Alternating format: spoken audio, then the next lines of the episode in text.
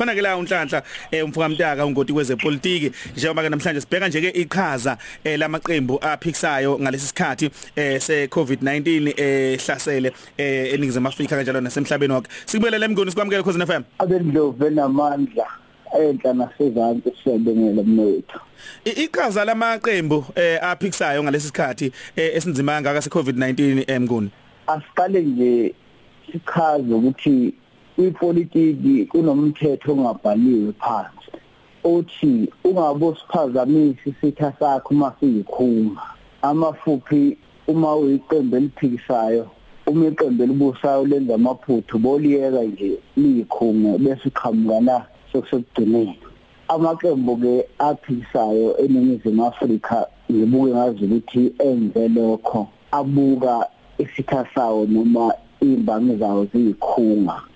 Aseyaqala ke manje ayavela. Ilungelo lawo ke lelo ngoba kufuneka sikusho lokho ukuthi ilungelo lamaqembu aphikisayo ukuthi aphikise.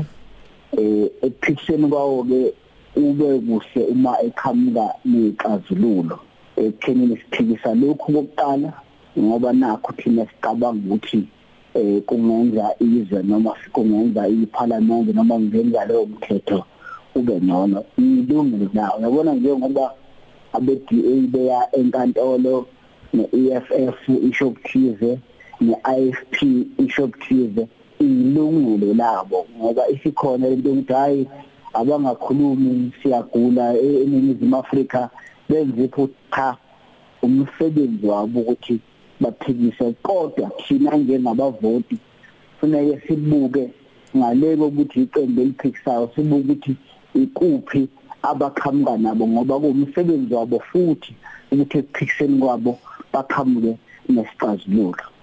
Kwenzakalani ke manje eningizimu Afrika uzokhumbula kunethu emasontweni amathathu noma amane edlule sakubeka kulolu hlelo ukuthi lo hulumeni uzoyiswa enkantolo. Ngiyakhumbula abanye bezixhumana abathi hayi ngeke kwenzeke lokho.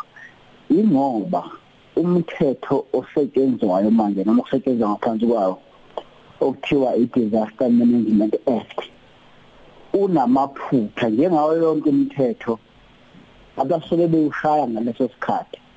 Basuke bengazi ukuthi kuyoba namaphutha anjani. Sibonele abakazi bacabanga ukuthi kuzoba khona ukuvete babhala ngendlela ethize isimo sesingokuthize manje. Eh ingakho ke amaqembu aphikisayo kakhulukazi iDA izovuka ngalokho ukuthi kukhona amaphutha asemthethweni. Uzothi omunye hawo yimathi na lamaphutha? Ila sekuqala khona ngepolitiki kufanele ke uma umlaleli uyibukisise kahle lo mdlalo ozodlalwa ngoba umdlalo ojule kakhulu. Ake ngikwenzele nje isibonele ukuthi iqale isiqale isitimela ukusuka. Isitimela siqalwe ugwayi nontwala iqale abanikazi benoma bathi hey akudayiswe utshwala akudayiswe ugwayi. Bafuna ukuya enkantolo abanikazi bakagwayi. Kodwa kuthe uma kubonakala ukuthi izwe ngabahlakaniphile nabo lizobabuka njengabantu abashiphizayo noma abantu abanomgolo ngalesikhathi kufiwa ezweni. Base beyeka ukuya enkantolo abalikazi bakagwayi abameli babo bathi abasaya enkantolo.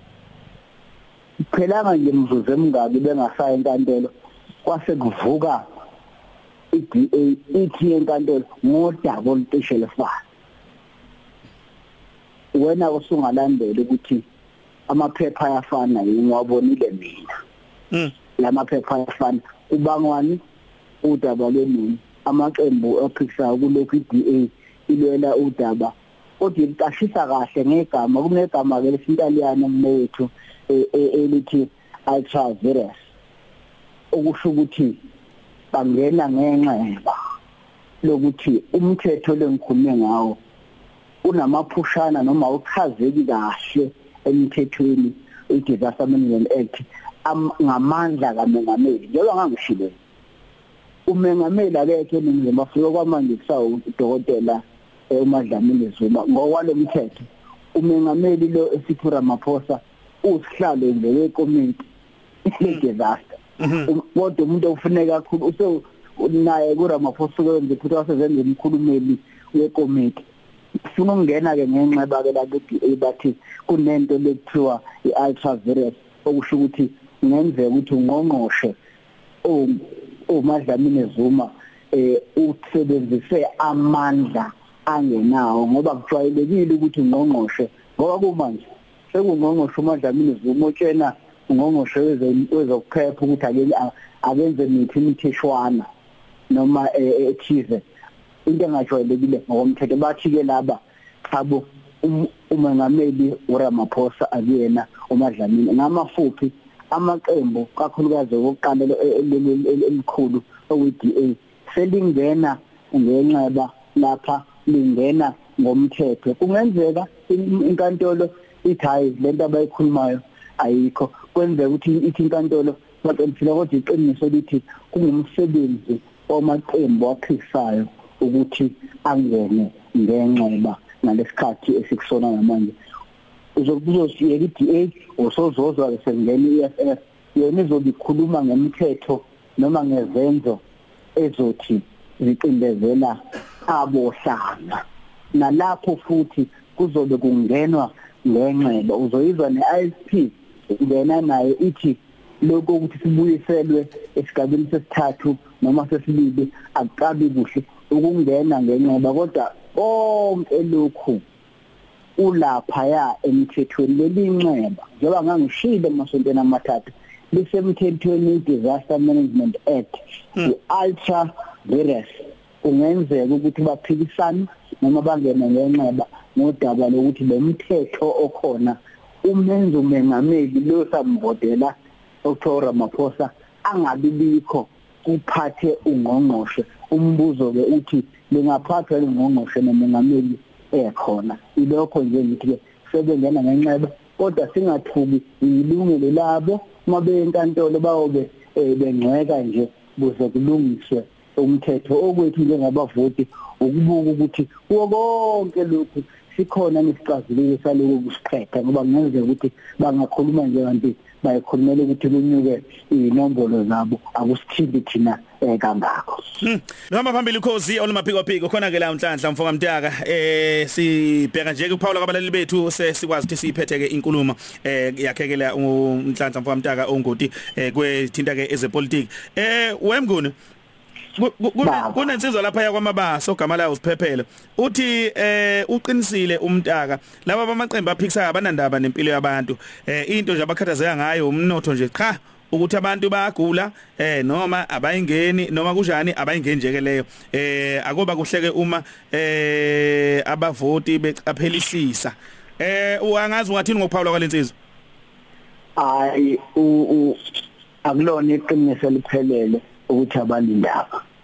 Yiko ngithe asobuka ngaleko ukuthi isembe eliphikisayo sibuka abaqhamuka nabo. Iqiniso lithi ezinto eziningi eziqhamuke namaqembu aphikisayo uhulumeni uyakwazi ukuyithatha bese zenza kahle bese ikhuluma kube izakhe ngingabala izinto mhlawumbe eziyisithupha ezishiwo amaqembu aphikisayo uhulumeni waseNingizimu Afrika oyithathile wayesebenzisa lezinto ngakho akulona iphutha lelo. Lithi elami.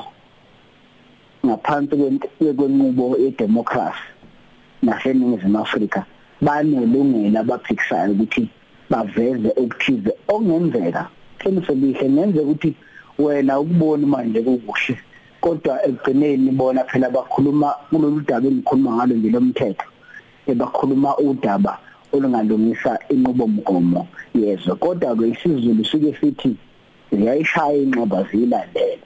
Ziyishaye nje inqaba zayilandela kufanele siwavume futhi funa kuyincoma iDA lokho eh no AFF no IFP ngoba njengoba ngishilo eqaleni umthetho ongabhaliwe kupolitiki ukuthi ungabo siphazamisa isitha sakho masiyikhunga siyeke nje siyibambe ukuthi la sesiqede khona bese kuma uqhamuka uyabona manje yishaya inqaba zayilandela ngoba njengoba ngishilo eqaleni uhulumeni wethu wenze iphutha engaqondile ngoba kufanele silikhulume iqiniso bengaqondile lesifo sifike sonke singazi hmm. nomthetho lo okukhulunywa ngawo wawenziwe iwona namaqembu aphikisa ngeke asasho ukuthi ayekhona lawo.